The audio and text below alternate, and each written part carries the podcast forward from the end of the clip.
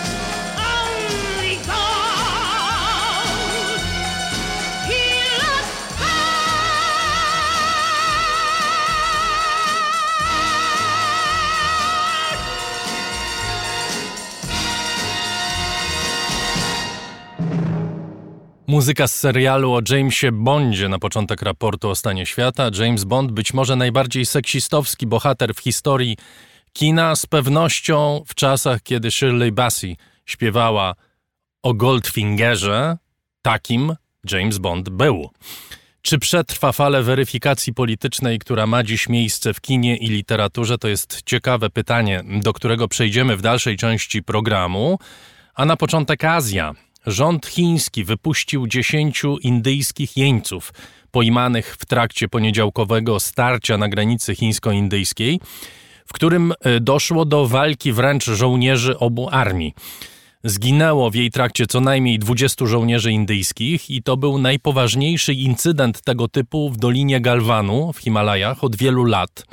Pokazuje on nie tylko napięcia w tym rejonie, ale także nastroje polityczne we władzach obu państw. Jakie będą konsekwencje tego starcia, które z zewnątrz wygląda nieco dziwacznie, ale z pewnością ma poważny charakter. Porozmawiam o tym z moim gościem, a jest nim dr Michał Lubina z Instytutu Bliskiego i Dalekiego Wschodu Uniwersytetu Jagiellońskiego. Dzień dobry panu. Dzień dobry. Mówię, że to dziwaczne starcie, bo jego przebieg nie jest tradycyjny. Tam dochodziło do walki na pałki, obrzucaniu się przez żołnierzy mm, kamieniami, dochodziło do bijatyki na pięści.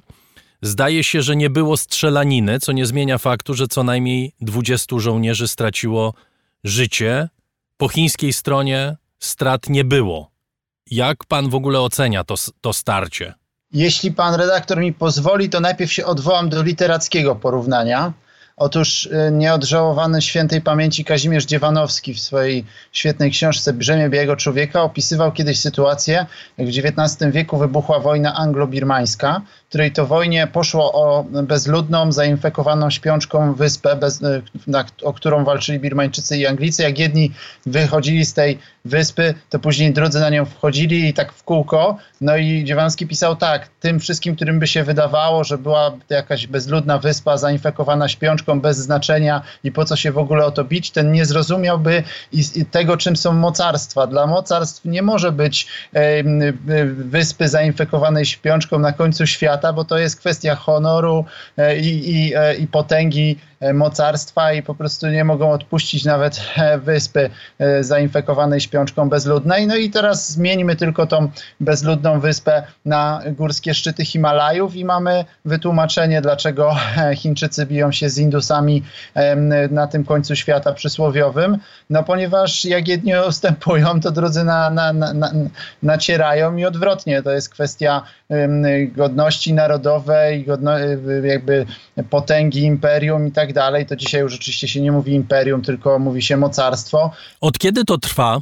No zasadniczo trwa to od końca lat 50., a przede wszystkim od 62 roku, w którym, e, w którym Indie przegrały wojnę e, graniczną z Chinami, a w zasadzie to można powiedzieć, że nawet nawet trochę wcześniej, dlatego że obecna granica indyjsko-chińska, której znaczna część to jest tak zwana linia aktualnej kontroli, czy linia właściwej kontroli, i to jest po prostu linia demarkacyjna, no to e, ta linia została, ona jest jakby konsekwencją czasów kolonialnych i tego, że tą granicę rozrysowali Brytyjczycy, e, z czym się zasadniczo Chińczycy nie zgadzają. My mówimy o terytorium czy terenie zwanym Ladak. Co to jest w ogóle za teren? Mówi pan, że to są szczyty Himalajów. Tam nic nie ma, tylko góry? No nie, góry, doliny, rzeki, czasami jakieś mniejsze miasta, czasami jakiś klasztor buddyjski. Największym miastem jest Lech, e, czy Le, bo H się nie czyta. E, to, to Ladakh generalnie to jest taka indyjska wersja Tybetu, dlatego że to było tybetańskie księstwo, które, e, które no jak wiele tego typu organizmów e, królewskich, książęcych czy, czy rządzonych przez władzę religijną, no trudno je, jakby z dzisiejszej perspektywy państwowości czy suwerenności rozumieć te, te, te, konce, te, jakby te, te, te, te twory państwowe. W ogóle słowo państwo może nie jest tutaj najlepsze. W każdym razie historycznie bardzo silnie związane z Tybetem, czasami pod kontrolą Tybetu, czasami nie, ale jednak nie tybetański, etnicznie inny, ale pod bardzo silnym wpływem e, buddyzmu e, tybetańskiego, sam też buddyjski. No i w XIX wieku został podbity przez, e, przez, przez Sikhów, a później ich z kolei podbili Brytyjczycy i w ten oto sposób trafił do kolonialnej, kolonialnych Indii, czyli rządzonych przez Brytyjczyków. No a potem, potem został, pozostał w Indiach, już postkolonialnych no i stał się częścią e, terytorium, które się nazywa e, Jammu i Kaszmir i które jeszcze do zeszłego roku miało swoją autonomię. On jest inny od Jammu i Kaszmir, od pozostałej części Jammu i Kaszmir, która jest przeważająco muzułmańska, e, a z kolei Ladakh jest buddyjski. No i, no i problem z Ladakiem polega na tym, że Chińczycy twierdzą, że tak naprawdę jest to część Tybetu, no i że powinna być chińska, bo Chińczycy jakby w imieniu Tybetańczyków e, domagają się wszystkich terytorium, terytoriów Tybetu albo tych, które oni uważają za tybetańskie, a więc również Ladaku. No i zdecydowaną większość Ladaku kontrolują Indie, ale nie cały. Ponadto tu jeszcze jest dodatkowy problem. E, ten problem jest bardzo częsty w Azji, a mianowicie mianowicie w jaki sposób nałożyć współczesne koncepcje granic na dawne przedkolonialne jakby twory państwowe, dlatego że, no, że tam nikt nigdy żadnych granic nie wyznaczał, to dopiero Brytyjczycy zrobili, ale to, ale to i tak nie, nie zostało jakby zaakceptowane. To nie miało wiele wspólnego z, z, z tą przedkolonialną zależnością, która raczej była taka, szła takimi koncentrycznymi kręgami, które się rozszerzały, zwężały się czasami w zależności od siły władców, natomiast nie były one nie były one e, ściśle ustalone, to znaczy to nie była po prostu zdemarkowana granica, jak to mamy w europejskim rozumieniu. No i teraz wpływ Tybetu na Ladak był czasami, kontrolowali, czasami nie.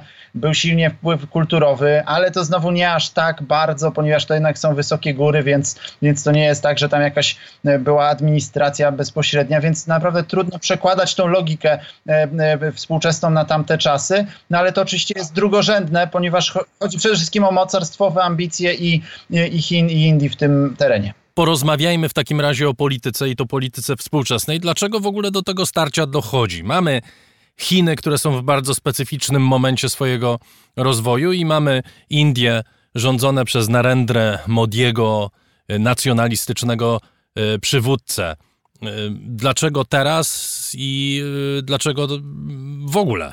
Znaczy, taka najpopularniejsza interpretacja ty, tego starcia jest taka, że Indusi budowali drogę i e, pas e, e, lotniczy nieopodal, co by im dało pewną przewagę, w, w, czy może zniwelowało chińską przewagę, bo w tej linii właściwej kontroli to to raczej Chińczycy mają przewagę.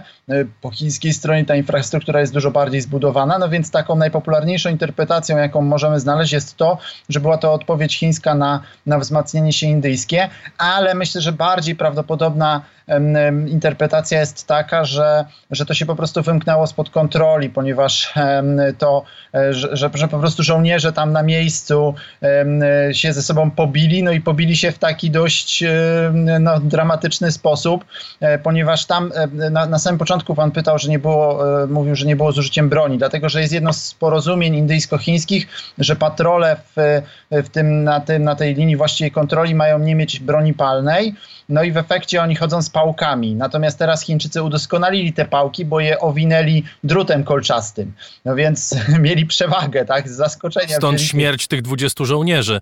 A większość z tych żołnierzy nie tyle zmarła, to, to, to znowu, znowu ten kazus tej bezludnej wyspy z XIX wieku, ale większość tych żołnierzy nie zmarła od samej walki, tylko zmarła z wycieńczenia, ponieważ tam jest dość wysoko, a więc powietrze jest rozrzedzone. No więc byli ranni, zmarli z, z, z, roz, z tego, że, że tlenu nie mieli, to pierwsza, a druga część, że bili się na wzgórzu i część z nich spadła po prostu ze skarpy i, i zginęła, czy też się poraniła i później z tych ran zmarła. No więc jakby większość zginęła nie tyle z samej walki, co z konsekwencji tego, gdzie ta walka miała miejsce. Y, proszę powiedzieć, jakie to będzie miało skutki polityczne? Czy, czy już możemy mówić, y, dochodzą informacje o tym, że Indie grożą Chinom sankcjami gospodarczymi, w związku z tym, co się stało? Czy to jest do przeprowadzenia i czy jak Chiny zareagują?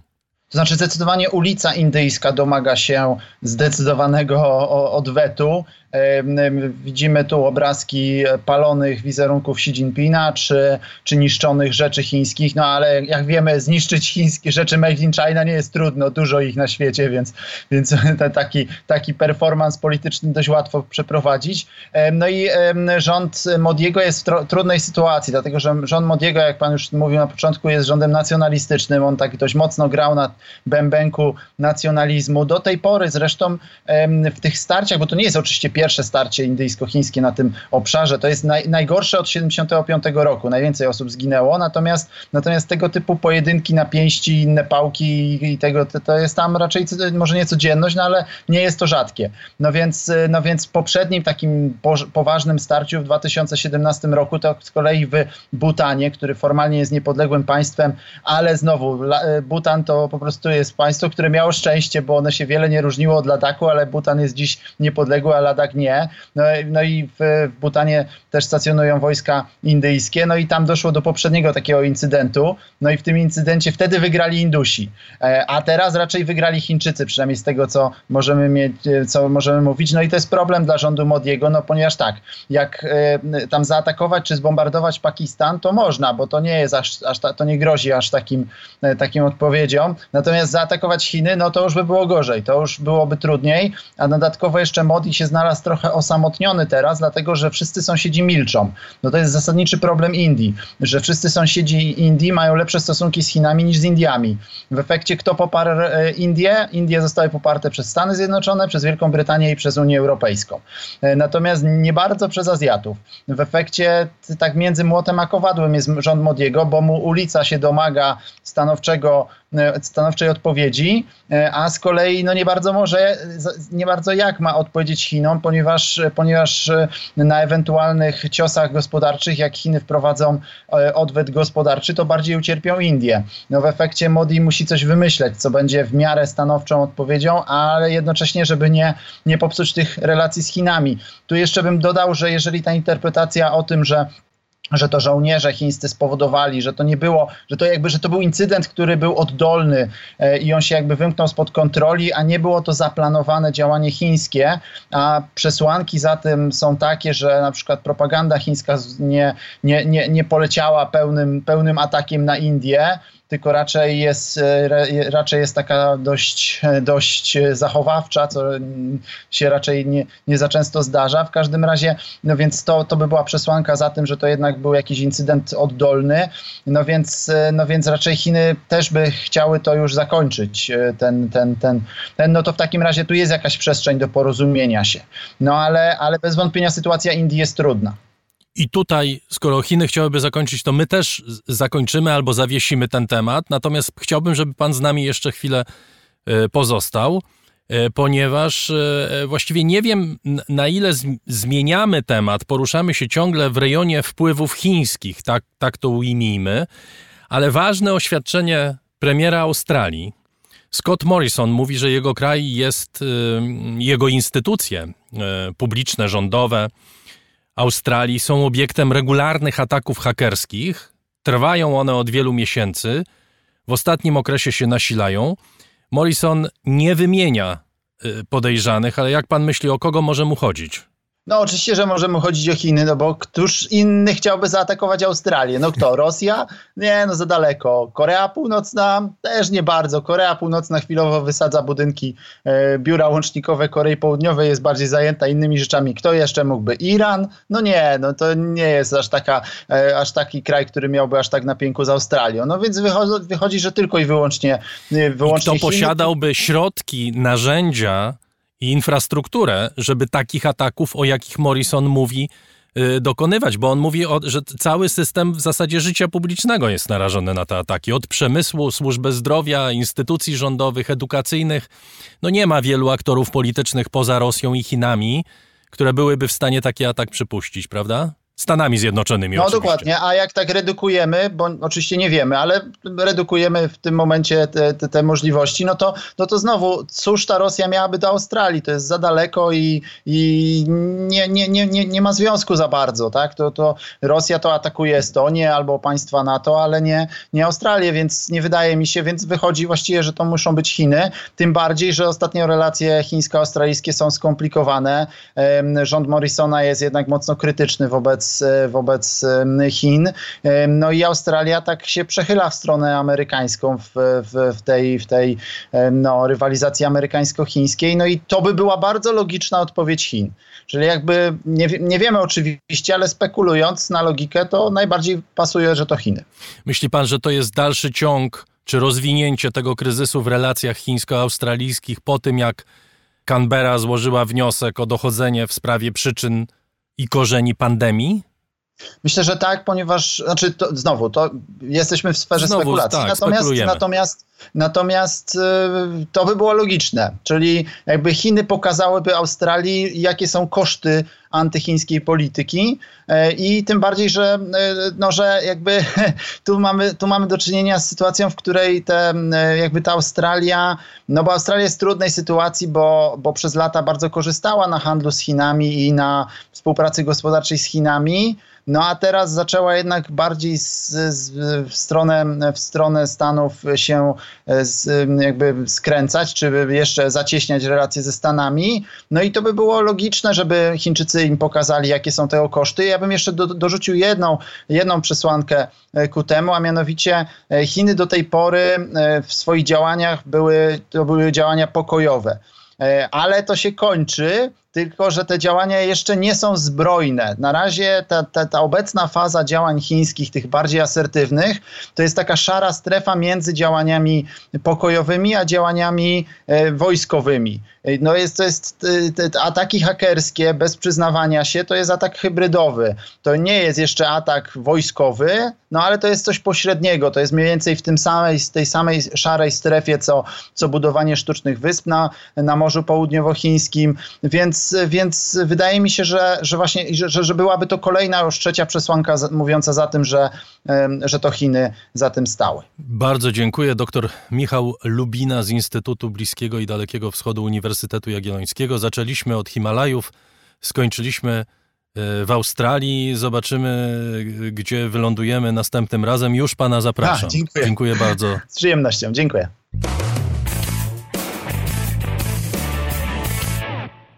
W ostatnim tygodniu wzrosło napięcie między obu Koreami. Jak zwykle stroną bardziej aktywną jest północ. Koreańczycy z północy wysadzili biuro łącznikowe obu krajów w Kaesong na pograniczu. E, władze zapowiedziały też, że wyślą północno-koreańskich żołnierzy w ten rejon i do wspólnego ośrodka turystycznego w Górach Diamentowych. Skąd ten wzrost napięcia? Gościem raportu jest Oskar Pietrewicz z Polskiego Instytutu Spraw Międzynarodowych. Dzień dobry. Dzień dobry. Skąd ten wzrost napięcia? Ten wzrost napięcia to jest konsekwencja tego wszystkiego złego, co działo się w ponad roku w relacjach międzykoreańskich po szczycie amerykańsko-północno-koreańskim w Hanoi. Zakończył się on fiaskiem i od tamtego czasu, od lutego 2019 roku, za niepowodzenie w dialogu z Amerykanami, Koreańczycy z północy coraz bardziej zaczęli obarczać Koreę Południową, twierdząc, że Korea Południowa nie przekonała Donalda Trumpa do ustępstw rozumianych jako złagodzenie sankcji na Koreę Północną, że Korea Południowa jako pośrednik, jako strona e, opowiadająca się od początku za negocjacjami zawiodła. I zaczęło się od tego, że Koreańczycy z północy zaczęli wysyłać coraz niższą rangę e, przedstawicieli swoich właśnie do tego biura łącznikowego, odmawiali rozmów z Koreańczykami z południa, odmówili pomocy humanitarnej. E, wiele takich gestów się zbierało przez, przez ostatnie miesiące i ostatecznie od końca maja no już zaczęło się dziać gorzej i zaczęło się dziać gorzej z tego powodu, że Koreańczycy z północy znaleźli pretekst w postaci tego, że Korea Południowa, władze Korei Południowej nie zapobiegły temu, że aktywiści i uchodźcy z Korei e, Północnej e, wysłali balony z treściami propagandowymi antypółnocno-koreańskimi przez granicę na stronę północno-koreańską. I Korea Północna stwierdziła, że to, że Korea Południowa do tego dopuściła, jest złamaniem deklaracji z Panmunjomu, którą przyjęli Kim Jong-un i prezydent Moon Jae-in w kwietniu 2018 roku. Co, jak rozumiem, jest pretekstem, jak sam pan wskazuje, bo y, te balony to tam chyba latają od zawsze, prawda? One latało zawsze. Faktycznie, że w ostatnich miesiącach no, prezydent Moon był tym, który mówił, że należy no, wyciszać wszelkie możliwości sporu. I zresztą teraz jest taka reakcja i to wzbudza duże, kon, duże kontrowersje w Korei Południowej, że władze południowo-koreańskie uginają się pod presją północno-koreańską i zabraniają wysyłania tych balonów. One latały faktycznie, zwłaszcza kiedy rządzili konserwatyści w, w Korei Południowej, to regularnie to się pojawiało. Natomiast jest to coś takiego, co no, nie sprzyja nigdy dialogowi politycznemu. Jeśli był dialog polityczny po 2018 roku, no to władzom Korei Południowej też zależało na tym, żeby jakieś grupy aktywistów nie, nie, no, nie działały tak, że będzie to negatywnie rzutowało na dialog na najwyższym poziomie. Opowiedz powiedzmy, czym był ten posterunek i w ogóle na czym polegają te wspólne jakby miejsca, o, o których jest mowa. Na czym polega biuro łącznikowe pomiędzy, mhm. Północą a południem. No, biuro łącznikowe to był całkiem nowy pomysł, bo ten, to się zrodziło właśnie po, e, po spotkaniu międzykoreańskim między Kimem a Moonem w kwietniu 2018 roku i wówczas strony ustaliły, że w najbliższych miesiącach powołają takie biuro łącznikowe, które nie będzie tylko połączeniem telefonicznym, ale że fizycznie będą mogli się spotkać regularnie e, przedstawiciele obu Korei. I to e, powstało we wrześniu 2018 roku, tuż przed kolejnym szczytem międzykoreańskim, który się odbył później w Pjongjangu. I od tamtego czasu, czyli od września 2018 roku, przez parę miesięcy, co tydzień, raz w tygodniu się spotykali przedstawiciele i dyskutowali na temat bieżących spraw. Wówczas to była jeszcze atmosfera dialogu, nadzieja Korei Północnej, że dojdzie do wznowienia współpracy gospodarczej, a nadzieja Korei Południowej, że być może przekona się Koreę e, Północną bez właśnie zaoferowania z racji sankcji tych współpracy gospodarczej, no inne projekty kulturalne, kolejny dialog polityczny, współpraca, potencjalna dyskusja na temat współpracy infrastrukturalnej, czy już gospodarczej, ale na, na, na, na poziomie planów. I e, to działało, no właśnie, do momentu, do Hanoi. Od tamtego czasu Koreańczycy z północy zaczęli to traktować jako coś, co nie warto brać w tym udział, a z powodu pandemii od stycznia tego roku, no właściwie już y, to w ogóle nie działało. Jeszcze do końca maja e, Koreańczycy z północy odbierali telefony w tym biurze łącznikowym z Korei, a czy przez to biuro łącznikowe. W, oni odbierali w Korei Północnej, a dzwonili Koreańczycy z południa ze swojego kraju. I był to taki przykład no, nowego nowego przedsięwzięcia, ale które wpisywało się w taką właśnie kulturę budowy zaufania w relacjach między zwaśnionymi państwami, bo y, to jest dłuższa historia już, kiedy ustanowiono na przykład te, te tak zwane gorące linie. Pierwszą gorącą linię, czyli połączenie telefoniczne między północą a południem, przebiegające przez strefę zdemilitaryzowaną, ustanowiono w 1971 roku. Wówczas to był dialog e, Czerwonego Krzyża. Czerwony Krzyż patronował tym e, rozmowom. Wtedy zaczęła się dyskusja o spotkaniach członków rozdzielonych rodzin koreańskich i w kolejnych latach, przez dziesięciolecia, coraz więcej tych linii ustanawiano i tych gorących linii połączeń przede wszystkim przez, e, przez strefę zdemilitaryzowaną, ale też jeszcze w paru innych punktach. E, ustawiono, ustanowiono ich ostatecznie ponad 40. Między wojskowymi, co więcej, nawet ustanowiono w 2018 roku bezpośrednie połączenie telefoniczne między prezydentem Korei Południowej a przywódcą Korei Północnej. Nigdy nie było użyte, a Korea Północna, zanim wysadziła to biuro łącznikowe, to tydzień wcześniej właśnie ucięła te wszystkie linie, co w praktyce nie oznacza, że oni przecinają kable, tylko po prostu nie odbierają telefonów. No i tym razem już nie ma gdzie dzwonić, no bo nie ma tego fizycznie tego budynku. Wiele się spekuluje, że za tym ruchem stoi siostra Kim Jong-una, Kim Yo-jong. Kim jest ta pani i jaką rolę odgrywa na scenie północno-koreańskiej? No, my ją dobrze poznaliśmy przy okazji właśnie tej ofensywy dyplomatycznej północno-koreańskiej, bo ona się pojawiała w towarzystwie e, swojego brata przy okazji spotkania z Donaldem Trumpem, przy okazji spotkania z, z prezydentem Moon Jae-inem. E, ona właśnie przez jakiś czas zastanawiano się, jak ona jest formalnie umocowana w reżimie północno-koreańskim, bo to, że jest siostrą jest bardzo ważne, więzy krwi, to jednak trzeba pa zawsze pamiętać o tym, że to jest władza częściowo dynastyczna w Korei Północnej, to jest dynastia komunistyczna, ale jednak dynastia, te, te więzy krwi są bardzo istotne i ona przez jakiś czas była uważana za osobę, która e, prawdopodobnie sprawowała kontrolę nad Departamentem Agitacji i Propagandy. Ważny, ale nie najważniejszy departament, jeden z wielu. Natomiast e, w ostatnich tygodniach z kontekstu komunikatów północno-koreańskich wynika, że ona stoi na czele takiej instytucji, która nazywa się Departament Zjednoczonego Frontu, Komitetu Centralnego Partii Pracy Korei, a jest to instytucja, która odpowiada za stosunki międzykoreańskie. E, na czele tego departamentu nigdy nie stał nikt przypadkowy. To są osoby silnie umocowane e, i ona zresztą teraz właśnie firmuje swoim nazwiskiem te kolejne posunięcia. Więc jest to interesujące, bo jest to kobieta, co po pierwsze, że w społeczeństwie konfucjańskim, silnie konfucjańskim, północno-koreańskim jest e, niecodzienne, bo raczej kobiety nie są osobami, które pełnią funkcje, pełnią funkcje publiczne, chociaż trzeba pamiętać, że chociażby żona Kim Il-sena była osobą ważną, w propagandzie państwowej.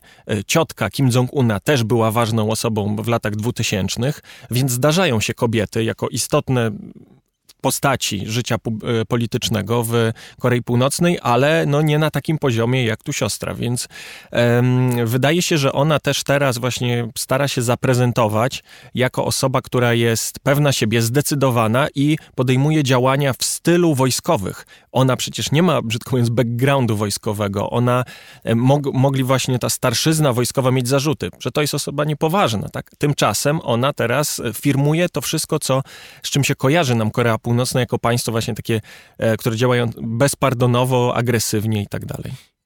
Jak wiadomo, te pogłoski sprzed kilku tygodni o śmierci Kim Jong-una okazały się przesadzone, ale yy, to znowu oceny komentatorów, on się wydaje troszkę bardziej wyciszony. Yy, czy ta zwiększona aktywność siostry może mieć coś yy, z tym wspólnego? Czy rzeczywiście to jest taki moment, kiedy Kim Jong-un czy może całe kierownictwo sprawdza przydatność siostry do tego, żeby pokierować krajem i partią? Znaczy, wydaje mi się, że jeszcze, jeszcze zbyt wcześnie, żeby tak twierdzić, bo jak Korea Północna sygnalizowała i światu, i swoim obywatelom, i elitom to, że zapoczątkowuje sukcesję władzy potencjał, to zupełnie inaczej to wyglądało. Od strony czysto propagandowej. Tutaj już nie chcę wchodzić w takie bardzo insiderskie rzeczy, ale to się wiązało z tym, jak komunikowała propaganda, jakich używała określeń w odniesieniu do sukcesorów. Teraz mamy e, do czynienia z tym, że mamy po prostu e, wzrost znaczenia tej, tej osoby w, w szeroko pojętym aparacie władzy i że właśnie ona mm, e, nie jest kwiatkiem do kożucha. Jest osobą, która ma realny wpływ na proces decyzyjny decyzyjny. Nie, być może nie, że ona decyduje, ale jest w kręgu władzy wśród, e, no jednak e, zazwyczaj gerontokracji, e, wśród wojskowych, wśród osób, które, no na pewno jeśli widzimy postać Kim Jong, to na pewno nam się to nie kojarzy, ona tak czysto stereotypowo nie kojarzy nam się z kierownictwem północno-koreańskim, tymczasem ona pełni istotną rolę. Wydaje mi się, że zbyt wcześnie, żeby twierdzić, że ona mogłaby zastąpić brata w przypadku, gdyby faktycznie stan jego zdrowia był bardzo zły, natomiast niektórzy sugerują, sugerują, ale to też z takim zastrzeżeniem daje, że to jest pewna spekulacja, bardziej taka zabawa intelektualna ekspertów, że e, Korea Północna będzie się zmieniać. Będzie się zmieniać w kierunku e, kolektywnego przywództwa troszkę w stylu chińskim, ale jak widzimy w Chinach, prawda, po czasach kolektywnego przywództwa znowu mamy powrót e, jedynowładztwa, prawda, takiego prymatu, e, prymatu tego najważniejszego, ale że Korea Północna może się zmieniać na swoją modłę w jakimś założeniu, że mm, już nie będzie tak wiele, aż, że wszystko ma zależeć od najwyższego przywódcy. On będzie istotny, ale być może sensowniej będzie rozłożyć te obowiązki.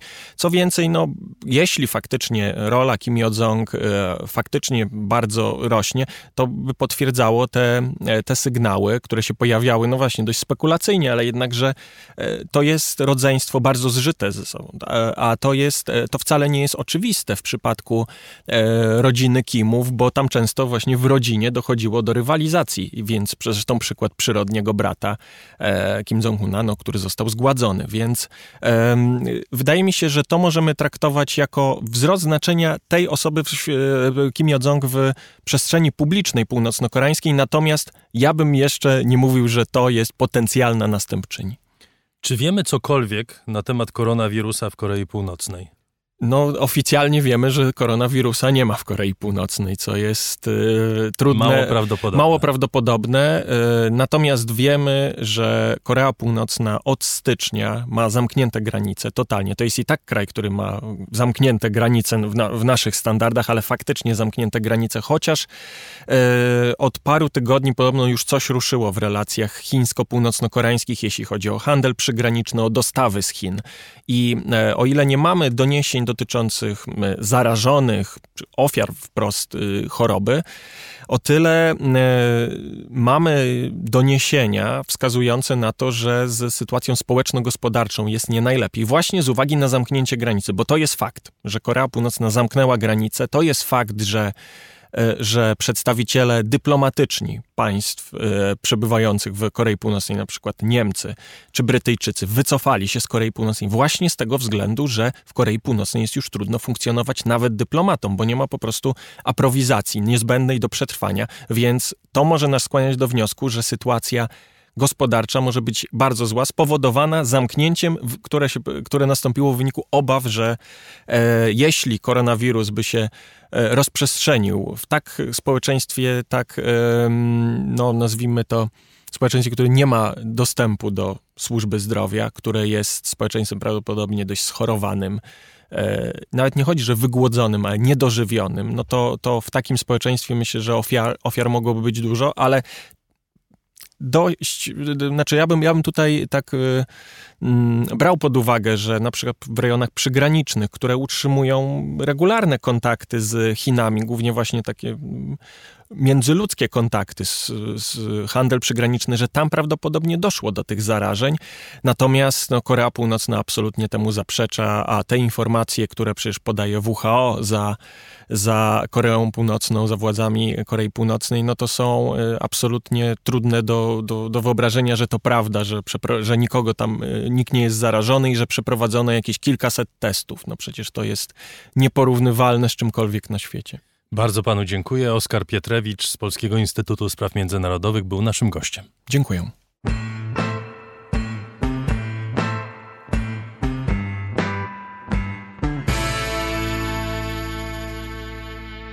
Raport o stanie świata to program finansowany przez słuchaczy, w większości dzięki składkom w serwisie patronite.pl. Bez Państwa udziału i wsparcia ten podcast i wszystkie działania wokół niego stają się możliwe.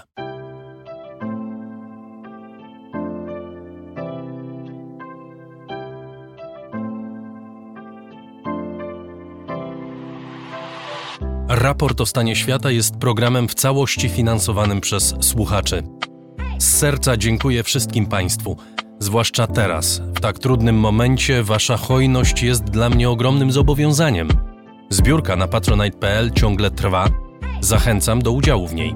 Najhojniejsi patroni raportu o stanie świata to firma Prosper z Sosnowca, hurtownia elektroenergetyczna i właściciel marki Czystuś.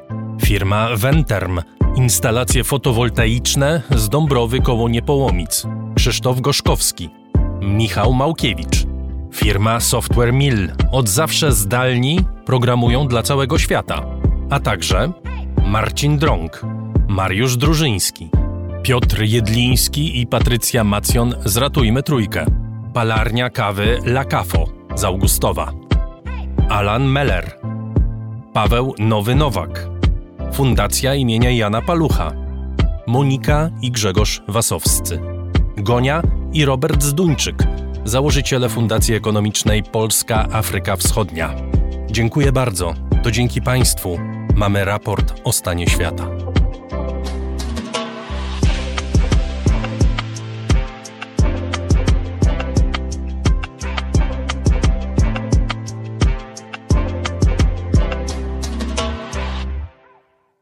Przyjemnością informuję Państwa, że już ponad 7 tysięcy widzów obejrzało naszą realizację Henryka V Williama Szekspira w przekładzie Piotra Kamińskiego, która również była możliwa dzięki Państwa wsparciu.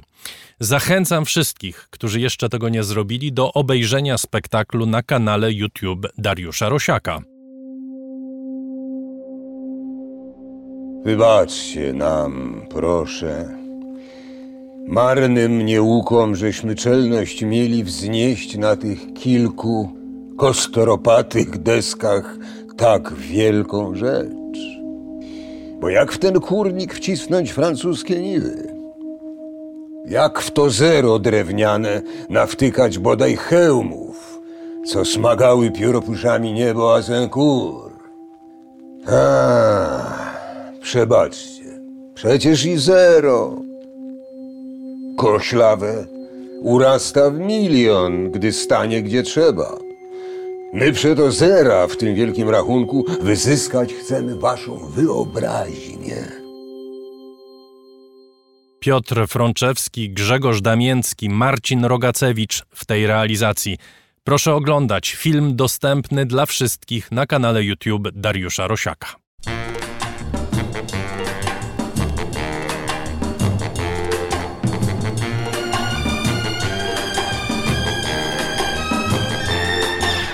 Voir les comédiens voir les musiciens, voir les magiciens qui arrivent bien, voir les comédiens, voir les musiciens, voir les magiciens qui arrivent. Les comédiens ont installé leur tréteau, ils ont dressé leur estrade étendue des calicots. Les comédiens ont parcouru les faubourgs, ils ont donné la parade à grand renfort de tambour. Devant l'église, une roulotte peinte en vert, avec les chaises d'un théâtre à ciel ouvert. Et derrière eux, comme un cortège en folie, ils drainent tout le pays, les comédiens. Viens voir les comédiens, voir les musiciens, voir les magiciens qui arrivent bien, voir les comédiens, voir les musiciens, voir les magiciens qui arrivent si vous voulez voir confondus les coquins dans une histoire un peu triste où tout s'arrange à la fin. Si vous aimez voir trembler les amoureux, vous lamentez sur Baptiste pour rire avec les heureux. Poussez la toile et entrez donc vous installer. Sous les étoiles, le rideau va se lever. Quand les trois coups retentiront dans la nuit, ils vont renaître à la vie les comédiens. Viens voir les comédiens, voir les musiciens, voir les magiciens qui arrivent bien, voir les comédiens, voir les musiciens, voir les magiciens qui arrivent. Les comédiens ont démonté leur tréteau, ils ont monté leur estrade et plié les calicots. Ils laisseront au fond des cœurs de chacun un peu de la sérénade et du bonheur d'Arlequin. Demain matin, quand le soleil va se lever, ils seront loin et nous croirons avoir rêvé. Mais pour l'instant, ils traversent dans la nuit d'autres villages endormis, les comédiens. Viens voir les comédiens, les musiciens, les magiciens qui arrivent bien. Voir les comédiens, les musiciens, les magiciens qui arrivent bien. Voir les comédiens, les musiciens, les magiciens qui arrivent bien. Voir les comédiens, voir les musiciens,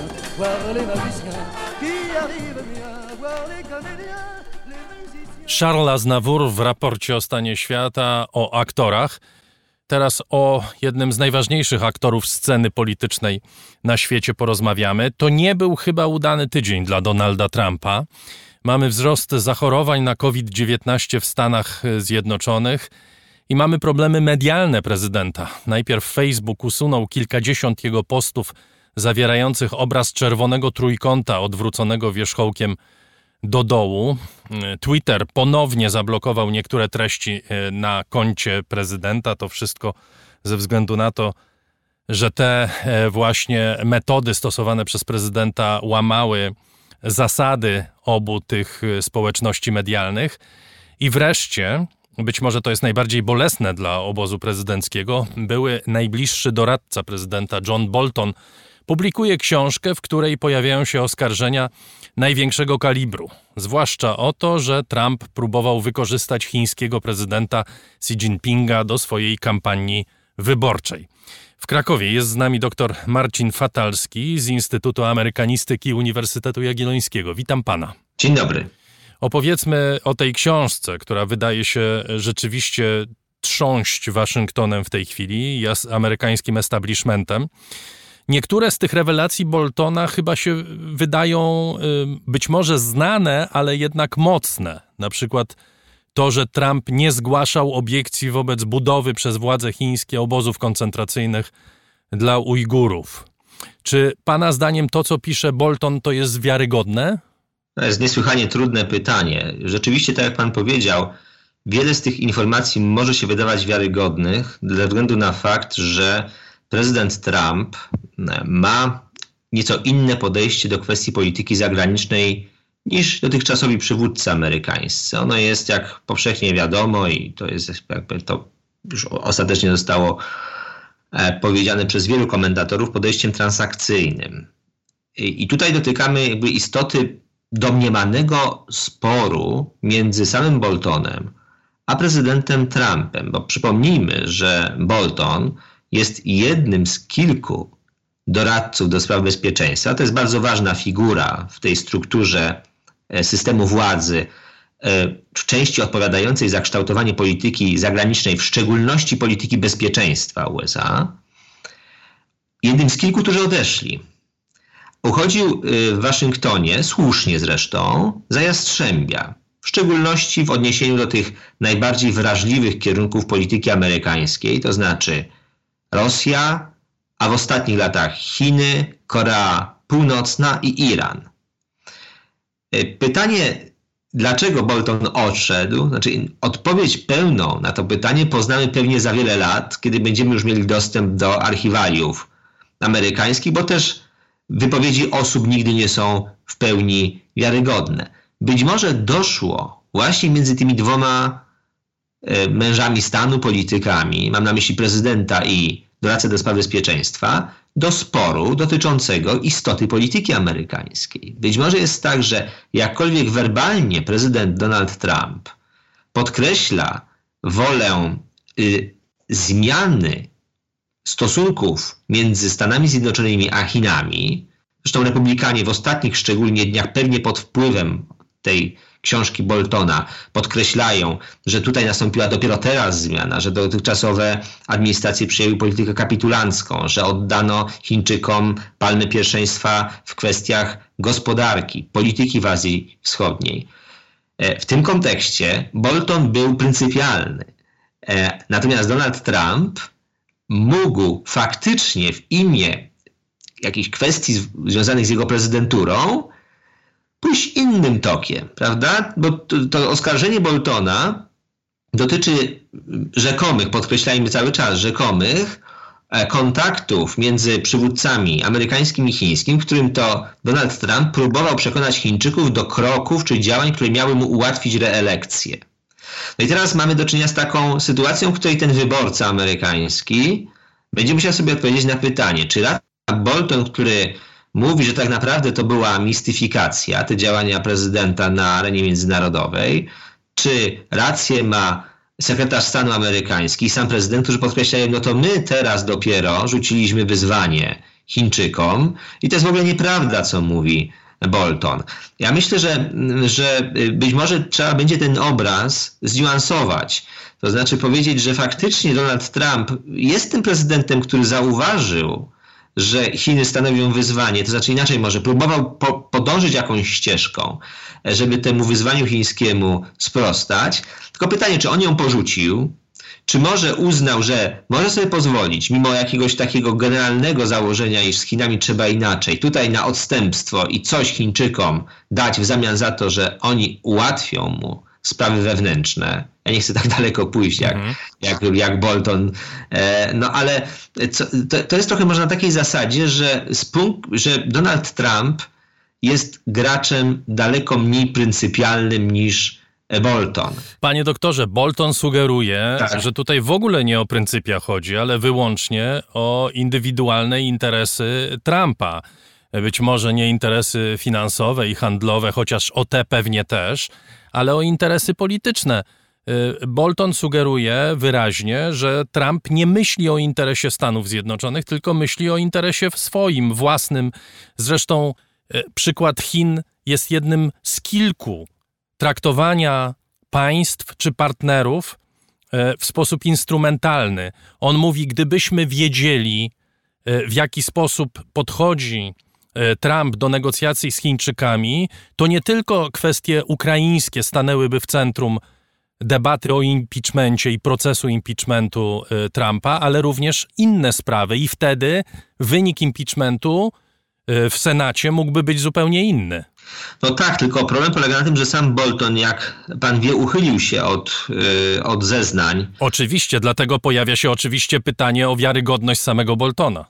No bo tutaj Bolton spotkał się z krytyką zarówno ze strony republikańskiej, co jest oczywiste, no bo oni go potępili jako zdrajcę, który nie dość, że kłamie, to jeszcze ujawnia tajemnice państwowe.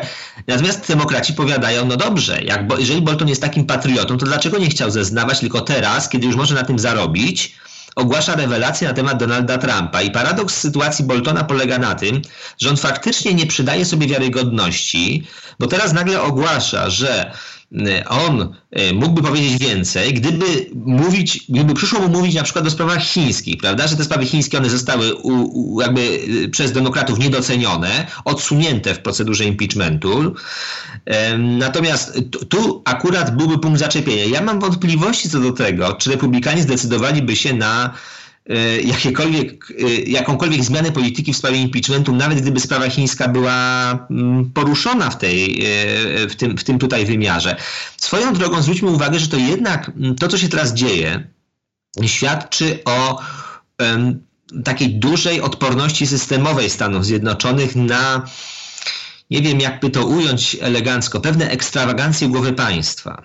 Bo jeżeli nawet uznać, ja nie chcę wchodzić w psychologizowanie, to jest zawsze szalenie ryzykowne, kiedy się analizuje polityka, ale jeżeli uznać, że prezydent y, obecny Stanów Zjednoczonych jest zmienny w nastrojach i ocenach, to proszę zwrócić uwagę, że jednak system w rozumieniu tej amerykańskiej nawy państwowej w dużej mierze to wytrzymuje, a, na, a, a jeśli pojawia się kontrowersja zasadnicza, to nikt tam nie y, kładzie znaczy nie, nie, nie, zamiata sprawy pod dywan, tylko ci ludzie odchodzą i też mówią dlaczego odchodzą. No ostatnio mamy tam dymisję znów zdaje się w Departamencie Stanu kolejną.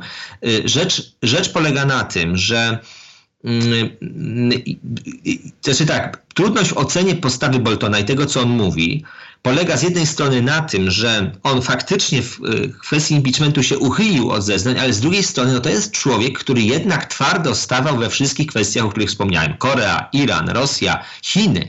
I teraz ktoś, kto uchodził za twardogłowego w, w, w Waszyngtonie, komu naprawdę nie można zarzucić y, elastyczności, nie wiem, koniunkturalizmu, to, to uchodziło za jego wadę nawet, ten, ten brak jakby pola do manewru. On, on chciał ze wszystkimi twardo. I on teraz mówi, no mamy do czynienia z prezydentem, który nie dość, że nie chce twardo, to jeszcze frymarczy interesami narodowymi Stanów Zjednoczonych. I, i na tym polega ciężar zarzutu Boltona, bo to naprawdę nie jest człowiek, który w Waszyngtonie miał reputację elastycznego polityka. On miał reputację radykalnie odmienną, polityka twardogłowego i, i na tym stąd wynika ciężar tych zarzutów i no, pewna wiarygodność jednak tego, co mówi. I pisze Bolton. Mówi pan o tym, że ten system e, przetrwa nie jednego prezydenta i historia Stanów Zjednoczonych uczy, że tak rzeczywiście jest.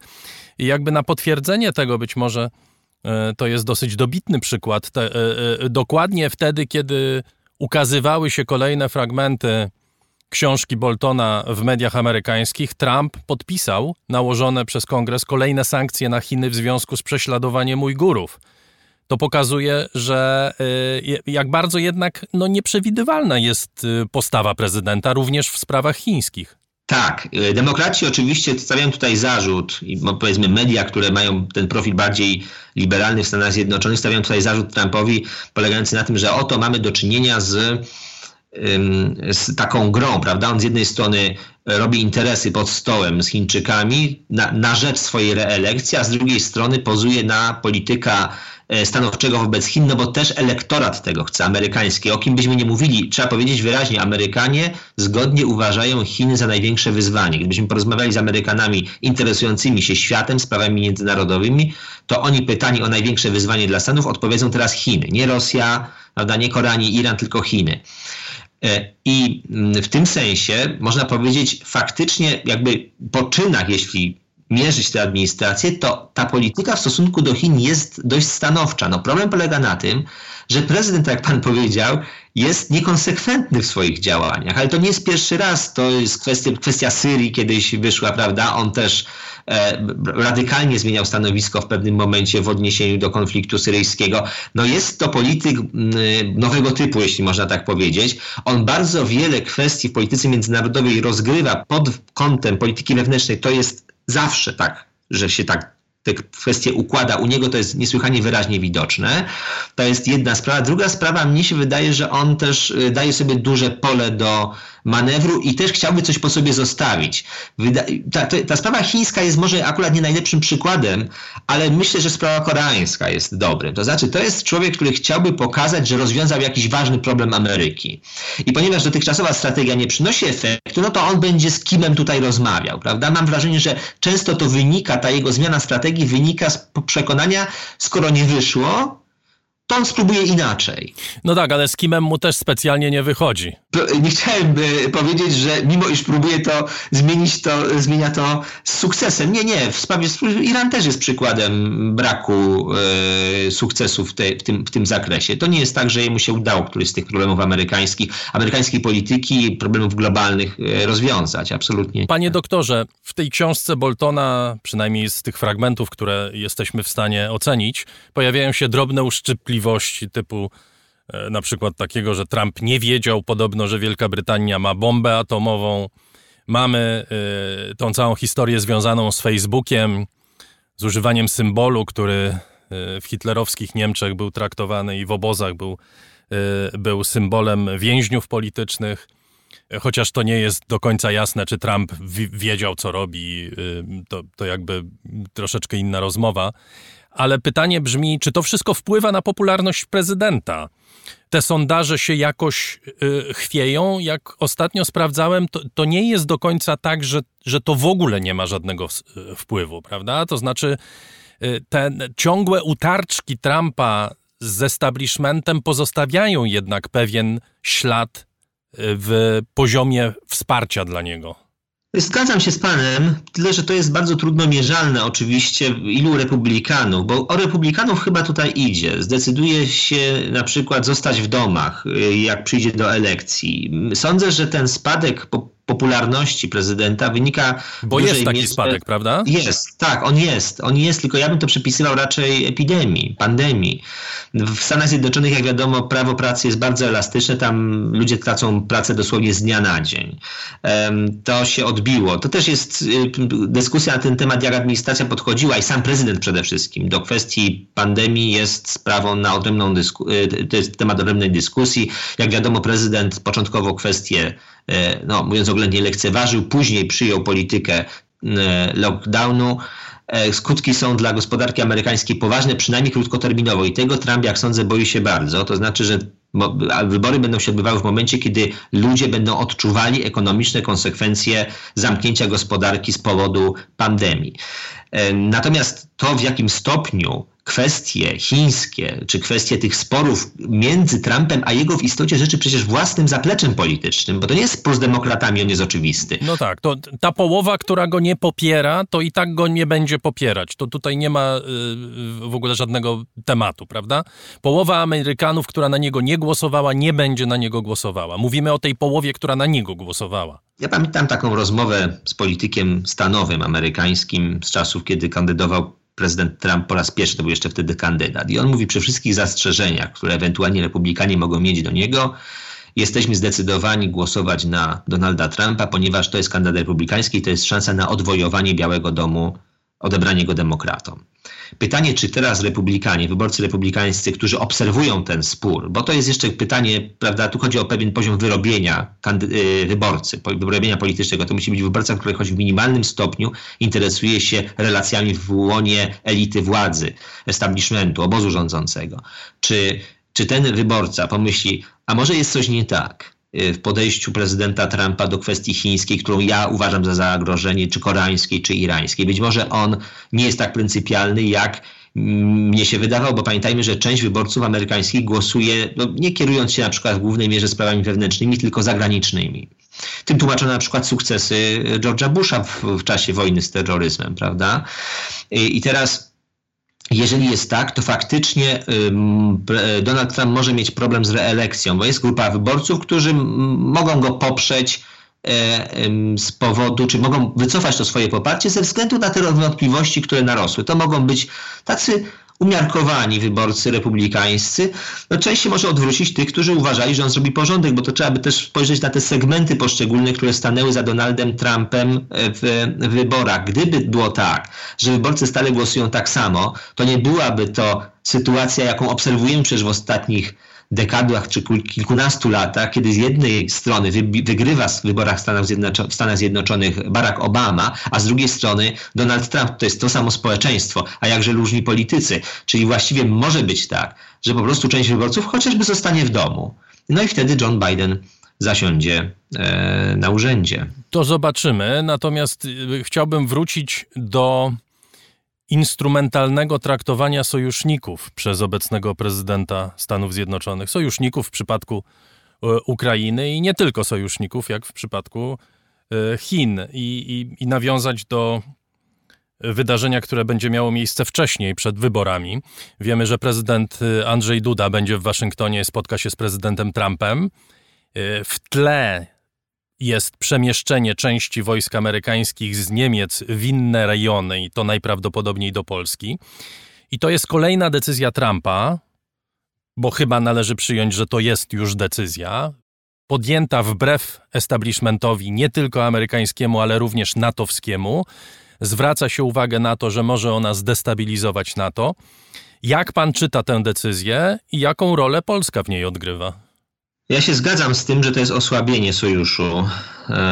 Wycofanie z e, Niemiec tych wojsk nie oznacza, że one w całości zostaną przesunięte do Polski. Nawet jeżeli część tych sił zostanie przesunięta, będzie przesunięta do naszego kraju, E, to i tak następuje osłabienie obecności amerykańskiej w Europie i to nikogo nie powinno cieszyć. Z tego zresztą powodu decyzja prezydenta nie podoba się w mm, establishmencie waszyngtońskim. Zwróćmy uwagę, że jakkolwiek Donald Trump proklamował tę politykę America First, e, nawiązując do nieszczęsnych koncepcji neutralistycznych sprzed wielu, wielu, wielu lat w Stanach Zjednoczonych, E, to jednak Stany Zjednoczone w swoim zresztą własnym interesie, bo przecież mają interesy globalne, pozostały aktywne w różnych miejscach na świecie. I republikanie są tą partią w Stanach Zjednoczonych, podobnie jak demokraci, tam wielkiego sporu nie ma, ale oni akurat przecież byli zawsze za zaangażowaniem Stanów Zjednoczonych w rozwiązywanie problemów światowych. Faktycznie bywało tak,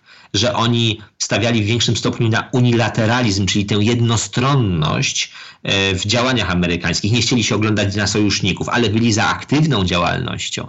No ale i też nie osłabiali tych sojuszy w takim stopniu, w jakim jednak decyzje prezydenta osłabiają sojusz. On to robi, żeby wywierać nacisk na sojuszników. On podkreśla, że państwa europejskie nie wkładają tyle do tego wspólnego kosza w którym się gromadzi środki na, e, na obronność, prawda, że to NATO jest w dużej mierze utrzymywane przez Stany Zjednoczone, no ale też Stany Zjednoczone mają interesy globalne. Wystarczy spojrzeć na sposób, w jaki oni funkcjonują, przecież nawet te okręgi wojskowe są podzielone tak jak cały świat.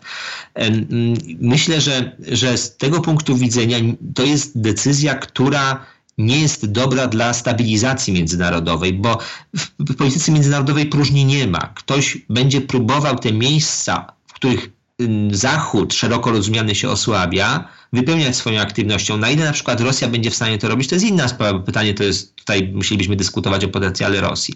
Polska, jak wiadomo, w ostatnich latach, bo to była druga część pańskiego pytania, postawiła na y, bardzo silny związek ze Stanami Zjednoczonymi. Myśmy zawsze stawiali na związek ze Stanami Zjednoczonymi.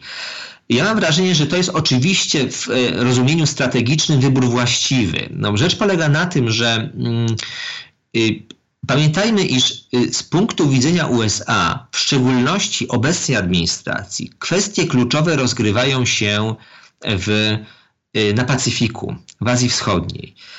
I rozmawialiśmy przecież przed, przed chwilą długo na ten temat.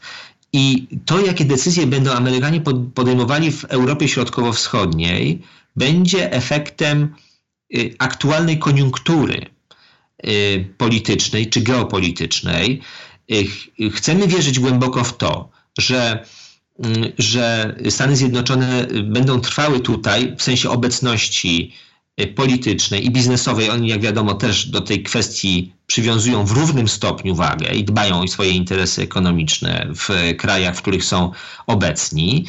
Natomiast no, rzecz polega na tym, że z punktu widzenia interesów Polski czy polityki zagranicznej Polski, te wybory prezydenckie w Stanach Zjednoczonych będą miały ogromną wagę, dlatego że e, albo będzie kontynuowana obecna ścieżka i obecni decydenci będą kierowali polityką zagraniczną, albo nastąpi jakaś orientacja. Myśmy postawili w dużej mierze na taką więź też ideową między obecnym obozem rządzącym w Polsce a administracją Donalda Trumpa. Ona nie zawsze, jak wiadomo, funkcjonuje bez e, problemu, bo tam wyniknęły różne kwestie, już nie, nie ma może miejsca na to, żeby e, je teraz dyskutować. Niemniej, jakkolwiek, tak jak powiadam, uważam, że z punktu widzenia, z punktu widzenia Polski oczywiście no, utrwalanie więzi ze Stanami Zjednoczonymi e, jest sensowne jako wybór strategiczny, to absolutnie nie ma się z czego cieszyć w związku z tym, że prezydent Trump podjął decyzję o znaczącym, naprawdę znaczącym ograniczeniu obecności wojskowej e, w Niemczech. Pamiętajmy, to był taki liberalny konsensus elit politycznych Stanów Zjednoczonych po II wojnie światowej. My jesteśmy w Europie, my tam trzymamy wojska, my roztaczamy parasol nad naszymi sojusznikami. E, ja nie bardzo wierzę w taką koncepcję, że oni punktowo będą roztaczali ten, ten, ten parasol. To jest albo tak, że oni tutaj są, albo rzeczywiście osłabiają ten, e, tę obecność i to jest dla nas zła wiadomość. Już sama tam, wracając do Boltona, sama decyzja o tym, że on odchodzi. Jak wiadomo, on miał bardzo wyraźny, sprecyzowane poglądy na temat Rosji i tego, że ona powinna być tutaj powstrzymywana, prawda? To powinna być taka flanka silna, na Rosję tutaj nie ma miejsca w Europie Środkowej. E, jego odejście to z tego punktu widzenia była zła, zła wiadomość. Bardzo dziękuję. Dr Marcin Fatalski z Instytutu Amerykanistyki Uniwersytetu Jagiellońskiego był naszym gościem. Bardzo dziękuję.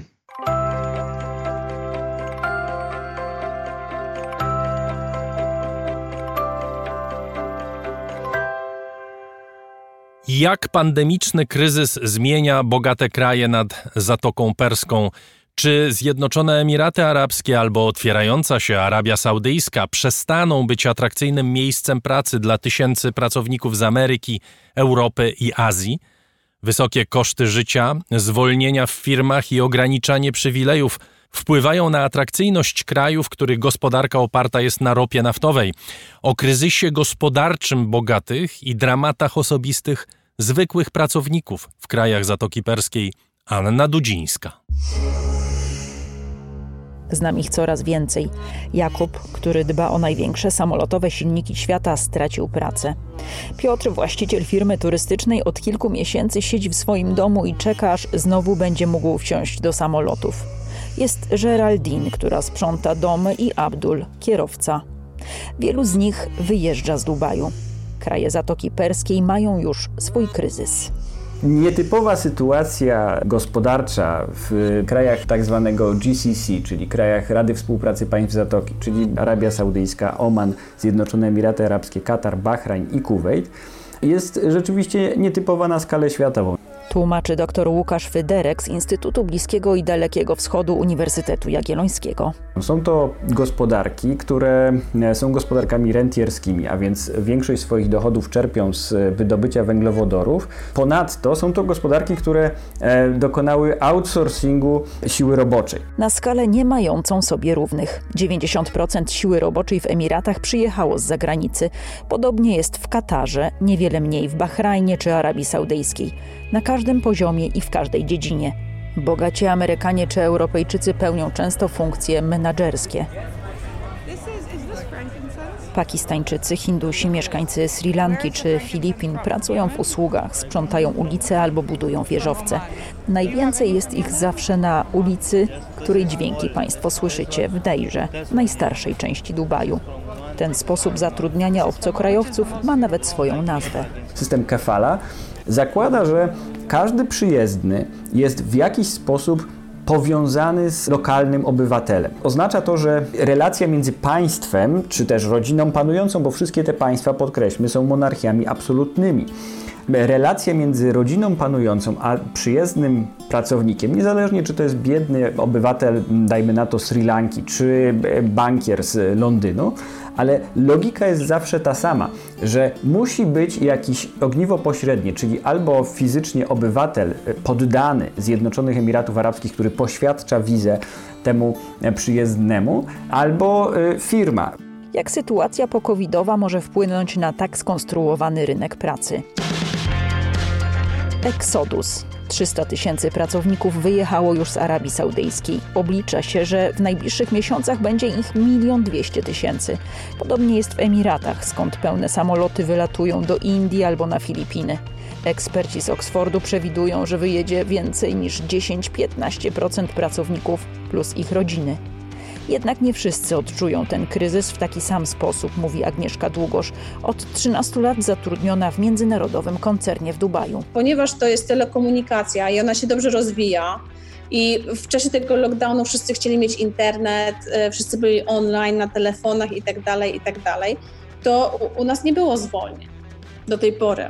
Jeżeli są branże turystyczne czy hotelowe, tak, to sytuacja nie wygląda zbyt ciekawie, dlatego że mamy takich znajomych, którzy na przykład nie mają w ogóle wypłacanych pensji. Firma powiedziała, że tylko będą pokrywać koszty mieszkania, a pensji po prostu nie wypłacają. Wiem, że na przykład niektórzy sobie dostawali 50%, Niektórym na przykład nauczycielom obcięto tam od 15 do 20%. Teraz jak nauczyciele podpisywali nowe kontrakty na przyszły rok, to też mieli na przykład obniżona. Najbardziej poszkodowani to są y, ci ludzie, którzy mają najniższe stanowiska pracy, tak? czyli nie menadżerowie, tylko wszyscy Pakistańczycy, Filipińczycy, czy y, wszyscy ci, którzy pracowali w restauracjach, wszyscy ci, którzy obsługiwali hotele. Geraldine przyjechała do Dubaju 6 lat temu z Manili, żeby zapewnić wykształcenie trójce swoich dzieci. Dzisiaj mówi, że jej znajomi mają kłopot, by kupić bilet na samolot powrotny. Tak dużo Filipińczyków chce wyjechać. We are 20, 20 here. Mieszka nas tutaj But the 20. other is they, they don't have work. Because they don't have work, what they will do here? Ale inni nie mają pracy. Ja też mam kłopoty. Like me, madam, I'm working Pracuję dwa razy w tygodniu. Nie tak jak wcześniej. Zarabiam może 10% tego, co kiedyś. almost like 10%. 10% to oznacza w przeliczeniu 300, może 400 zł miesięcznie. Za tyle nie da się przeżyć nigdzie. W ostatnim czasie nawet należące do szejka media biją na alarm.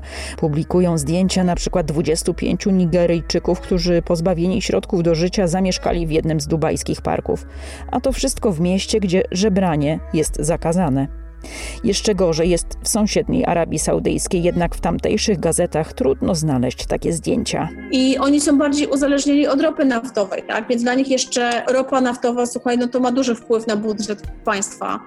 Co oni robią? Wprowadzają teraz od 1 lipca podwyższony VAT. Oni mieli w Saudii 5% VAT-u, teraz oni chcą podwyższyć na 15%.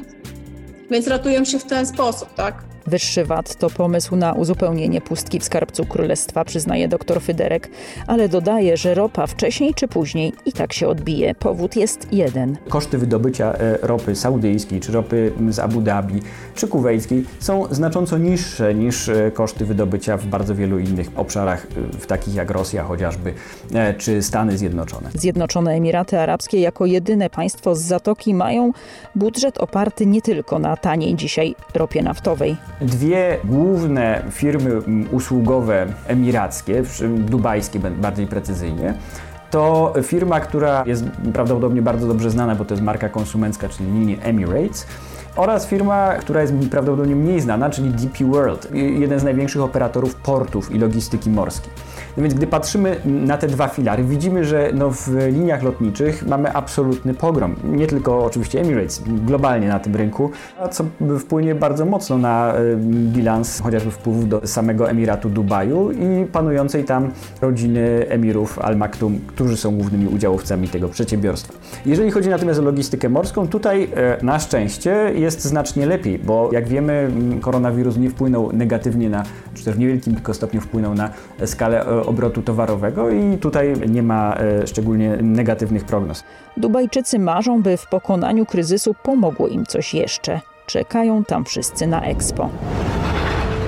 And we are excited to announce that Expo 2020 Dubai will now open its gates from October 1st, 2021 Expo 2020, pierwsza wystawa światowa w świecie arabskim, została przesunięta na przyszły rok. Pytanie o Expo jest oczywiście pytaniem, które można rozszerzyć o to, jak będzie wyglądał międzynarodowy przemysł spotkań tak, biznesowych, jak będą wyglądały, mm, wyglądały targi, bo przecież Expo to tylko te najważniejsze targi, ale w, na całym świecie, a w szczególności w Dubaju, odbywały się po prostu rozliczne imprezy targowe. Tak? Od niemalże 10 lat ten przemysł targowy w Dubaju był rozbudowywany. To była świadoma decyzja strategiczna. Tutaj spodziewam się spowolnienia, ponieważ mm, wymuszona pandemią zdolność komunikacji zdalnej sprawia, że no, okazuje się, że bardzo wiele kontraktów, y, bardzo wiele mm, relacji biznesowych można jednak zadzierzgnąć na odległość. Chociaż miejmy świadomość, że bardzo wiele nie znaczy wszystkiej. Gospodarki krajów Zatoki Perskiej zapłacą dużą cenę, ale konsekwencje kryzysu mogą być ograniczone w czasie. Ta gospodarka, nie będąc gospodarką produkcyjną, mając dużą elastyczność y, zatrudnienia, prawda, bowiem bardzo łatwo redukować siłę roboczą. Nie ma z tym, państwo też nie ponosi dużych obciążeń y, związanych z sieciami zabezpieczenia społecznego, bo po prostu ci ludzie są odsyłani do krajów swojego pochodzenia. Niejako te problemy są przerzucane na kraje takie jak Pakistan, Indie, Sri Lanka czy Filipiny, skąd duża część y, siły roboczej pochodzi. Y, Dlatego spodziewałbym się, że ten kryzys może być głęboki i dotkliwy, ale że dojdzie do szybkiego, e, szybkiego odbicia. Y, Właśnie z uwagi na te strukturalne cechy gospodarki opartej na sile roboczej importowanej, nieobciążonej dużymi kosztami socjalnymi.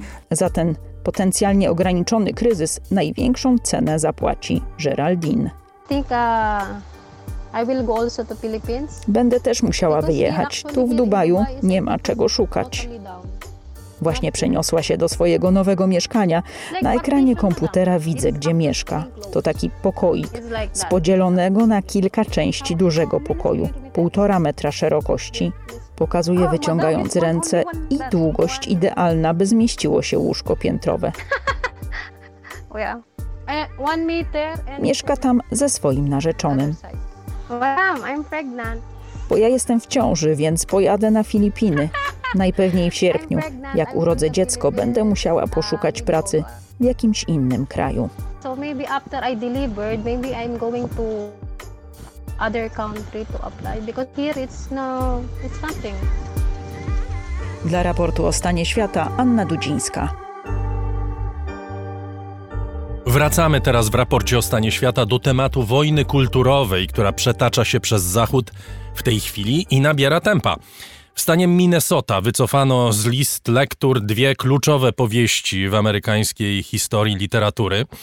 Zabić Drozda autorstwa Harper Lee i przygody Huckleberry Finna Marka Twena. W Wielkiej Brytanii BBC wycofuje niektóre odcinki serialu satyrycznego Hotel Zacisze oraz Małej Brytanii. Wcześniej pojawiały się żądania zakazu emisji legendarnego filmu Przeminęło z wiatrem. W tle tych wszystkich propozycji i żądań znajduje się postulat wyrównania krzywd wyrządzonych czarnym i innym mniejszościom przez kulturę zachodnią w ostatnich latach, dekadach i wiekach. Jaki będzie wynik tej kulturowej potyczki? Czy kultura ma obowiązek zachować polityczną poprawność? Czy niektóre środowiska mają być wyłączone spod działania na przykład satyry? To są pytania, które się pojawiają przy okazji tego społecznego wrzenia wywołanego w ostatnich tygodniach zabiciem przez policjanta Afroamerykanina George'a Floyda w Minneapolis. Naszym gościem jest amerykanista, krytyk filmowy Sebastian Smoliński. Dzień dobry panu. Dzień dobry. Zacznijmy od ogółu, a potem przejdziemy do szczegółowych rzeczy. Jak pan czyta w ogóle te postulaty? O co chodzi e, w tej potyczce kulturowej? Czy, to ta, czy pan też rozumie to jako potyczkę kulturową? Tak, rozumiem to jako wbrew pozorom no, dosyć powierzchowny namysł nad y, filmami, nad literaturą. Powierzchowny w tym sensie, że y, wydaje się, że wiatr, z jakim właśnie a propos przeminął z wiatrem, wiatr, z jakim to w jakim kierunku to wieje, no jest zwykle właśnie y, motywowany bieżącymi wydarzeniami politycznymi. Więc y, dla mnie jako kinomana, jako y, człowieka, który na klasycznych filmach hollywoodzkich się wychował, no nie, nie, jest niespodzianką, nie jest niczym nowym, że Przeminął z wiatrem jest filmem y, kontrowersyjnym, filmem y, obrażającym pewne grupy. To jest, y, wiemy to od momentu premiery filmu, a nawet wcześniej, już wcześniej nawet, już w połowie lat 30., od razu kiedy pojawił się pomysł adaptowania powieści Margaret Mitchell, to już było wiadomo, że mm, twórcy stąpają po bardzo grząskim gruncie, że właśnie kwestia reprezentacji południa, reprezentacji niewolnictwa jest bardzo kontrowersyjna już wtedy, więc jako widzowie, którzy interesujemy się tym tematem, wiemy to po prostu. Natomiast mówię teraz o Przeminął z wiatrem, bo to mi się wydaje szczególnie symptomatyczne. Ten epizod, czyli właśnie prośba, żądanie usunięcia tego filmu przez Johna Ridleya, czyli scenarzysty, scenarzystę zniewolonego z HBO Max, no właśnie wydaje się uwikłana bardzo i w politykę, i w kwestie ekonomiczne, bo przecież startuje nowy streaming HBO Max, więc oni na pewno chcą uzyskać subskrybentów i tak dalej, i tak dalej. Więc jakby to są odgrzewane pewne stare dyskusje, które toczą się w środowisku akademickim od dawna.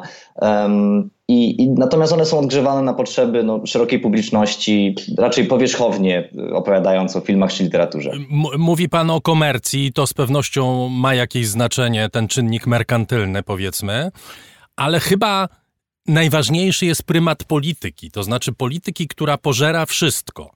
Prawda? To znaczy, y, przeminęło z wiatrem nie jest wspaniałą opowieścią o miłości.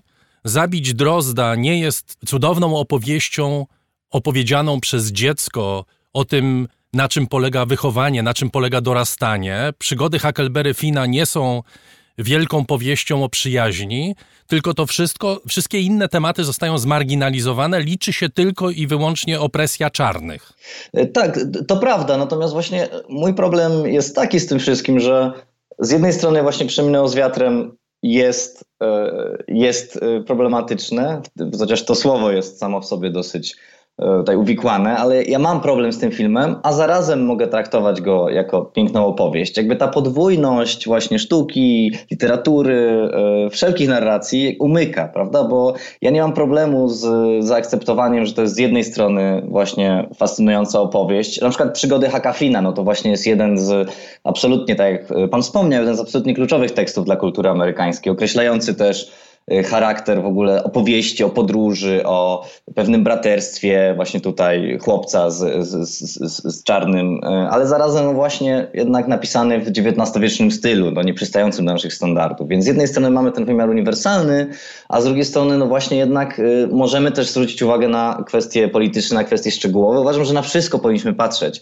ale zgadzam się, że w tej debacie, tak jak pan mówi, no kwestie mm, uniwersalności sztuki, czy pewne bardziej subtelne rozważania po prostu umykają. Skupiamy się tylko i wyłącznie na ocenianiu filmów i literatury z naszego dzisiejszego punktu widzenia. A jak pan myśli, z czego to wynika? Dlaczego to jest tak, że my nie możemy obejrzeć kupca weneckiego, nie wspominając o tym, że Szekspir był antysemitą? Albo teraz zaczynamy czytać Jądro Ciemności Konrada yy, i oskarżamy go o rasizm, prawda? Mimo, że rasistą nie był. Dlaczego nie możemy Y, zrobić tego, o czym pan mówi, to znaczy czytać y, powieści, oglądać filmy na tych różnych poziomach. Właściwie do każdego filmu moglibyśmy się przyczepić. Czas apokalipsy też jest rasistowski. Absolutnie, absolutnie. Każdy no. film amerykański do, do lat 60. albo opowiadający o tym okresie y, jest, mm, zawiera elementy, które można dzisiaj odczytać jako, jako rasistowskie, bo posługuje się językiem tamtych czasów, bo posługuje się relacjami, które jeżeli jest szczery, jeżeli jest uczciwy, opisuje relacje dawnych czasów, prawda? Dlaczego my nie, nie jesteśmy w stanie tego tak oglądać, e, e, żeby nie, nie sprowadzać tego do współczesnej polityki? To jest, to jest dobre pytanie, prawdę mówiąc nie wiem jak odpowiedzieć na nie e, jednoznacznie. Po prostu nie mam pojęcia, bo obserwuję z ciekawością e, to, co się dzieje. Wydaje mi się, że część tego impulsu jednak idzie z akademii. Mm, sam jestem kulturoznawcą i w mojej dziedzinie właśnie, tak jak pan wspomniał, ten termin wyrównywanie krzywd, to jest, to jest kluczowa sprawa. To znaczy takie podejście do kultury, żebyśmy odkryli ideologię, jaka za tym stoi. Tylko, że posunięte do ekstremum e, sprawia to, że właśnie coraz mniej filmów, coraz mniej książek staje się niewinnych, czy też staje się na tyle poprawnych, żebyśmy mogli się nimi cieszyć bez, bez ale, bez wskazania, że no właśnie, tutaj wizerunek Wietnamczyków w większości tych filmów o wojnie w Wietnamie jest, jest okropny, jest nakręcony z imperialnej perspektywy i tak dalej. Nawet, e, co ciekawe, e, filmy z tego roku, obejrzałem film Spike'a Lee, którego bardzo lubię, film Pięciu Braci, The Five Bloods, który opowiada o mm, czterech e, Afroamerykanach, którzy po latach wracają do Wietnamu. Nawet tam mam wrażenie, mimo że to jest film e, no właśnie kogoś, kogo dzisiaj bierzemy na sztandary jako osobę bardzo ważną dla właśnie wyrównywania krzywd, kto nieraz pokazywał w swoich filmach e, kwestie stereotypów afroamerykańskich, jakie panują w amerykańskiej kulturze. Nawet tam mam wrażenie, że ten wizerunek Wietnamu jest w jakiś sposób, e, no, można powiedzieć kontrowersyjny, w jakiś sposób nie tak otwarty i pełny, jak, jak na przykład wizerunek Afroamerykanów w tym filmie, tak? Więc jakby to, to się nie zmienia, natomiast też jesteśmy bardzo skupieni na tej amerykańskiej perspektywie. Cały czas rozmawiamy właśnie o, w sumie o kulturze anglosaskiej, o kontrowersjach kulturze anglosaskiej. Oczywiście w Polsce też pojawiają się odpryski tego, to znaczy sugestia, żeby wycofać w pustyni i w puszczy z, y, z listy lektur, prawda? E, zamiast właśnie krytycznie omówić e, tę powieść, krytycznie e, ją przeczytać, wskazując na, na to, jak się kwestia kolonializmu, to kolonialne spojrzenie w tej powieści się przewija. Czyli zamiast zrobić z czegoś po prostu świetne, y, że tak powiem, case study, to, to wolimy usunąć to z pola widzenia, żeby widzieć właśnie ładny obraz. Więc odpowiadając na Pana pytanie, wydaje mi się, że część wypływa po prostu z potrzeby politycznej, psychologicznej, żeby ten krajobraz kultury był gładki, był zgodny z naszym dzisiejszym spojrzeniem, żeby nas nic nie denerwowało, e, żebyśmy nie mieli problemu z niczym, żeby właśnie, żeby usunąć po prostu to, co problematyczne. No, moim zdaniem to jest niestety no, groźne w dłuższej perspektywie. Pan wspomina o tych specyficznych cechach tej debaty w różnych krajach, bo ona oczywiście ma inny przebieg we Francji, inny ma przebieg w Polsce. Żeby było jasne, to nie tylko po stronie liberalnej pojawiają się tego typu postulaty, bo wiemy, że y, w Polsce pojawiają się postulaty, że idę na, na przykład Pawlikowskiego trzeba tak. y, wyjaśniać i trzeba prezentować ze słowem wstępnym, z którego będzie wynikało, że wszyscy Polacy ratowali Żydów. A na przykład, nie wiem, takie filmy jak Nasze Matki, Nasi Ojcowie należy w ogóle zakazać, wycofać i, i, i zakopać w, w ziemi, bo one zakłamują rzeczywistość. To po obu stronach, po wszystkich stronach tego sporu to się odbywa. E, absolutnie. E, co, co więcej, tutaj przypadek Idy jest świetny, dobrze, że pan wspomniał, bo to, to, nawet nie jest tak, że różne strony biorą różne dzieła, tylko właśnie Ida zarazem właśnie spotkała się z tą negatywną odpowiedzią ze strony prawicowej, jak też y, pojawiło się wiele artykułów y, na krytyce politycznej, y, no, analizujących ideę właśnie z perspektywy lewicowej wrażliwości bardzo negatywnie, jako z kolei powielanie stereotypów o, o polskich Żydach. Więc to, to jest ciekawe, że właśnie jeden film może też z różnych stron okazywać się znowu w cudzysłowie problematyczny. Pan wspomniał o Akademii i może mo na moment się zatrzymajmy przy tym, bo to jest też chyba czas, kiedy y, uniwersytety zmieniają swoją rolę, bo kiedyś to były miejsca, w których ludzie konfrontowali y, swoje opinie. Y, to były miejsca wolne między innymi od presji politycznej po to, żeby każdy mógł wygłosić swoje zdanie i z konfrontacji tych zdań wynikała jakaś większa, istotniejsza całość. W tej chwili wygląda na to, że wielu nauczycieli akademickich przyjmuje założenie, że studenci, jak również sami nauczyciele, nie są po prostu zdolni do skonfrontowania się na przykład z książką, która używa obraźliwych słów pod jakimś tam adresem. Tak, wydaje się, że tak jest. No, mogę mówić ze swojego doświadczenia e, jako studenta polskiego, ale też e, chodziłem na zajęcia właśnie o kinie afroamerykańskim w Stanach i tam nie uciekaliśmy akurat od, od takich filmów, to znaczy obok Przeminęło z wiatrem najbardziej e, znienawidzonym przez niektórych filmów, filmem jest, są Narodziny Narodu, czyli film też e, jeszcze wcześniejszy, który w ogóle ukonstytuował kino amerykańskie jako właśnie sztukę narracyjną. Film Griffisa, bardzo, bardzo ważny, być może najważniejszy w ogóle. I na tych zajęciach prowadzonych przez e, czarnego profesora oglądaliśmy ten film, no ale właśnie, właśnie krytycznie, tak? Zastanawiam się, czy dzisiaj jeszcze podjąłby taką decyzję, czy może by jednak nie zastąpił tego filmu jakimś mniej e, kontrowersyjnym. Nie wiem, wydaje się, że rzeczywiście trochę idzie to w tym kierunku, ale mam wrażenie, że jeszcze jest szansa, żeby ocalić, powiedzmy, dojrzałość Akademii. Jeszcze nie jest za późno. To niech pan powie, jaka jest szansa, bo to w jakim kierunku to będzie zmierzało? Czy my za chwilę nie będziemy czytać Chandlera, nie będziemy oglądać ostatniego tanga w Paryżu, nieprawdopodobnie seksistowskiego filmu, mm -hmm. nie będziemy oglądać czasu apokalipsy. No... Y zaczęliśmy audycję y, od Jamesa Bonda, od piosenki z Jamesa Bonda. Y, I to, to jest taki bohater, który na szczęście zmienia się w kierunku politycznie poprawnym, prawda? Od takiego seksistowskiej, szowinistycznej, męskiej świni, archetypu, można powiedzieć. Teraz się staje y, człowiekiem, który jest znacznie mniej dowcipny, ale znacznie bardziej polityczny poprawnie. Może to jest kierunek, który będą te, te, te, te filmy i ci bohaterowie przybierać.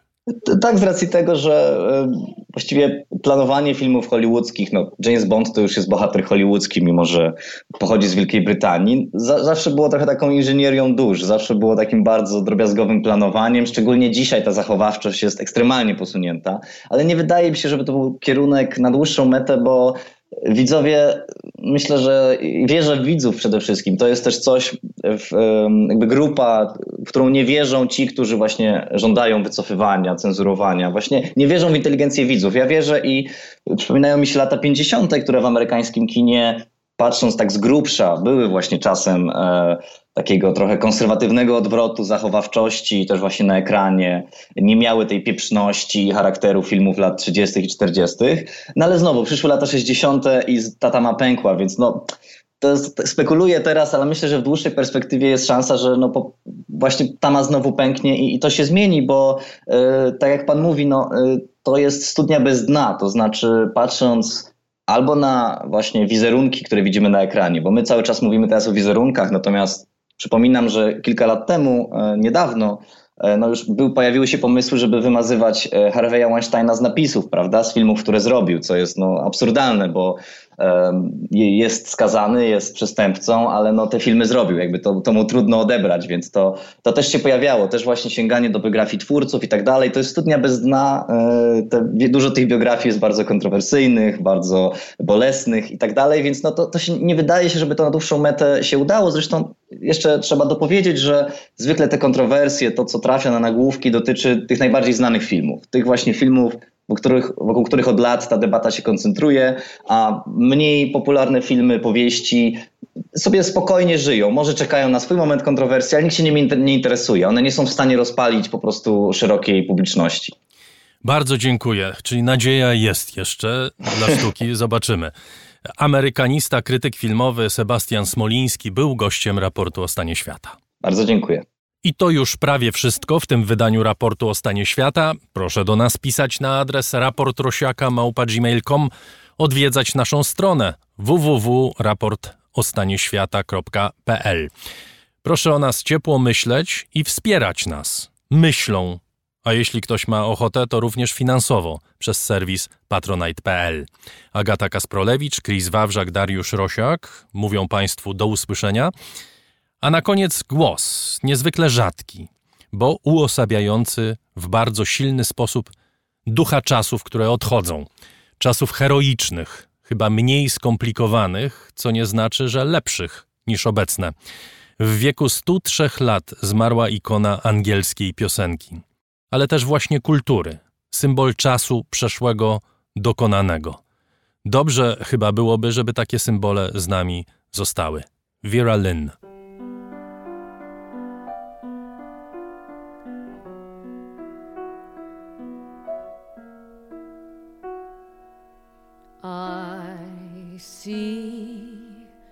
trees of green, red roses too. I see them bloom for me and for you. And I think to myself, what a wonderful world.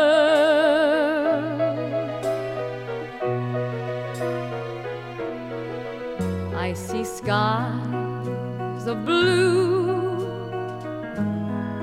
clouds of white, a bright, blessed day, a dark, sacred night, and I think to myself, what a wonderful world.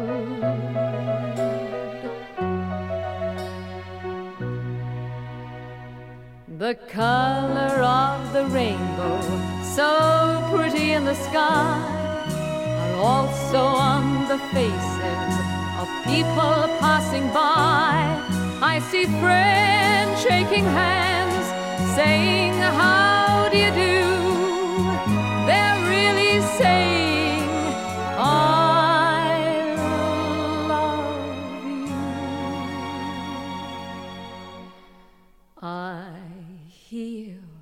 babies cry. I watch them grow.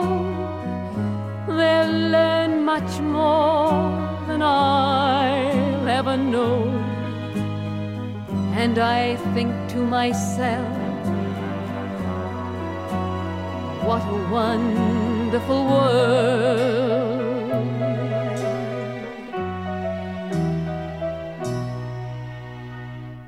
The colors of the rainbow, so pretty in the sky, are also on the faces of people passing by. I see friends shaking hands, saying, How do you do? They're really saying, I